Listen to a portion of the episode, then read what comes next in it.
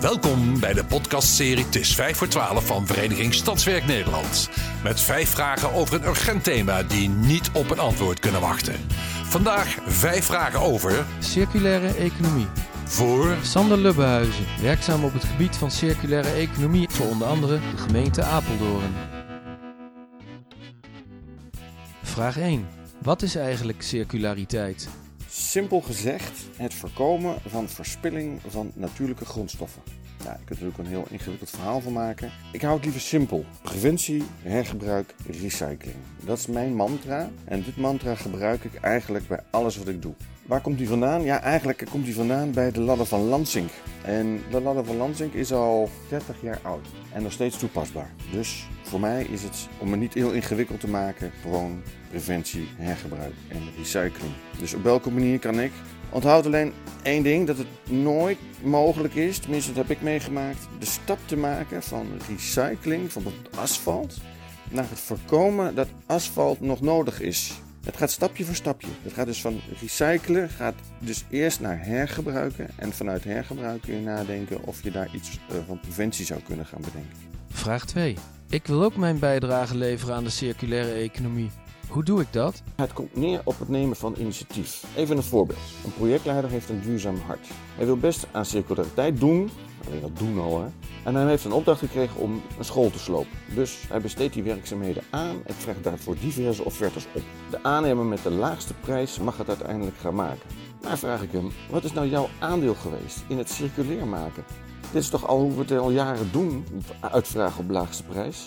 Nou, zegt hij, als je het allemaal bekijkt, dan wordt van het gebouw wordt puin gemaakt. En van dat puin gaan we dat toch gewoon weer recyclen. En dat stoppen we onder een weg. Dat is toch circulair? Dat heb je zelf gezegd. Preventie, hergebruik en recycling. Ja, zucht inderdaad. Ja, maar dat is maar hoe je het bekijkt. Als je weer inderdaad kijkt naar dat preventie, hergebruik en recycling, dan zou hij dus moeten nagaan of er aan de andere kant bij die aannemers of de aannemers tussen zitten die op basis van recyclen de stap naar hergebruik zouden kunnen gaan maken. Hij als projectleider was prima in staat geweest het initiatief te nemen, de uitvraag voor die school op een andere manier in de markt te zetten. Zoals bijvoorbeeld, ik zoek een aannemer om een school te slopen en ik wil die aannemer selecteren die in staat is de meeste materialen op een goede manier her te gebruiken. En dat alles binnen een door mij beschikbare budget van x euro. Dus op zich niet zo heel ingewikkeld lijkt mij. Vraag 3.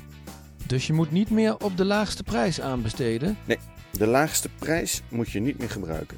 Je moet, als je aanbesteedt, de kennis hebben van de werkzaamheden die je aanbesteedt en je moet ook snappen welke kosten daarbij horen. Je moet gewoon een beetje die vakman zijn die we eigenlijk allemaal in ons hebben. Je moet in de situatie dus ook een plafondbedrag meegeven, zodat marktpartijen weten dat ze dus niet kunnen overvragen of te veel kunnen aanbieden. Ik zeg uh, wel eens, we moeten stoppen met aanbesteden. We moeten veel meer gaan samenwerken. Maar dat is nog best wel gevoelig. Vraag 4.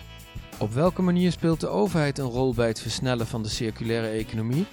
Het lijkt nog niet echt te willen vlotten. Ja, frustrerend hè. Marktpartijen kijken naar de overheid en de overheid denkt dat de markt wel in oplossing kan komen. Er gebeurt in de praktijk dus feitelijk niet zo heel veel. Ja, een paar pilot dingetjes. Maar je ziet echt die versnelling die we zouden willen zien met elkaar, die zie je eigenlijk nog niet. Een belangrijke rol ligt hier zeker bij de overheid om als launching customer op te treden. Dus het initiatief nemen om die vraag te durven stellen aan marktpartijen.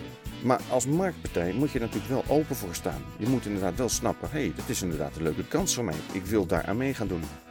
Veel bedrijven zitten nog volledig in de modus van produceren en zo snel mogelijk verkopen. De concurrentie is groot, dus never change a winning horse, zeggen ze. Dit verdienmodel zal in de toekomst niet langer handhaafbaar zijn. Alleen een lage prijs is uiteindelijk niet meer voldoende om onderscheidend te zijn en vakmanschap en service is wat het uiteindelijk moet gaan maken. Uiteindelijk liefst circulair vakmanschap. Het mooie is dat die bedrijven die daar nu met dit circulaire experiment aan de slag gaan, die kunnen hun voorsprong behouden en misschien zelfs nog uitbouwen. En doe je dus niet mee met deze circulaire economie, dan kun je je voorsprong gaan verliezen en dan doe je uiteindelijk niet meer mee. Vraag 5.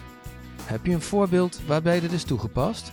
Jazeker. Op dit moment ben ik voor een provincie bezig met de voorbereiding van de circulaire aanbesteding van zoutstrooiers. Je weet wel, die uh, gele dingen die je op de weg ziet in de winter. Na zo'n 10, zo'n 13 jaar dienst worden die in de regel vervangen voor volledig nieuwe exemplaren met allemaal nieuwe toeters en bellen erop. Het mooie is dat we nu aan een leverancier gevraagd hebben zijn eigen geleverde 12 jaar oude machine terug te nemen helemaal uit elkaar te halen, te herstellen wat kapot is en de machine te voorzien van alle noodzakelijke upgrades die in de loop der jaren zijn bedacht en uitgevonden. Ze geven je strip dus eigenlijk je oldtimer en knapt hem helemaal op, alle roest eraf en het ziet er helemaal pick weer helemaal uit.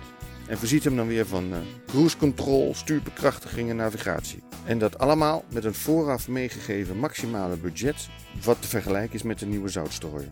En uiteindelijk met de garantie dat hij weer 10 tot 13 jaar mee zou kunnen draaien, zonder enig probleem en enige storingen.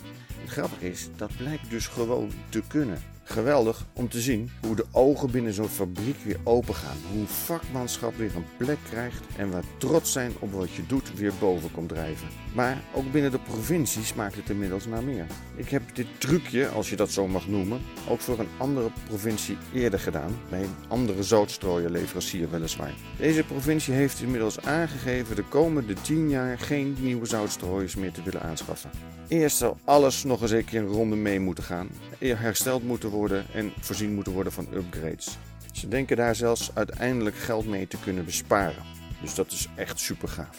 Dus het kan, als je maar wil en bereid bent, ook een klein beetje stout te zijn. Af en toe je hoofd boven het maaiveld uit te steken en het lef te hebben om net even wat anders te zijn dan de anderen. Met de intentie goede, gave, mooie projecten te maken. Uiteindelijk draait het dus om preventie, hergebruik en recycling. Niet vergeten. U luisterde naar Het is 5 voor 12, een podcastserie van Vereniging Stadswerk Nederland. Heeft u zelf een urgent thema met vragen die niet op een antwoord kunnen wachten? Mail het dan naar info.stadswerk.nl onder vermelding van podcast. Dank voor het luisteren.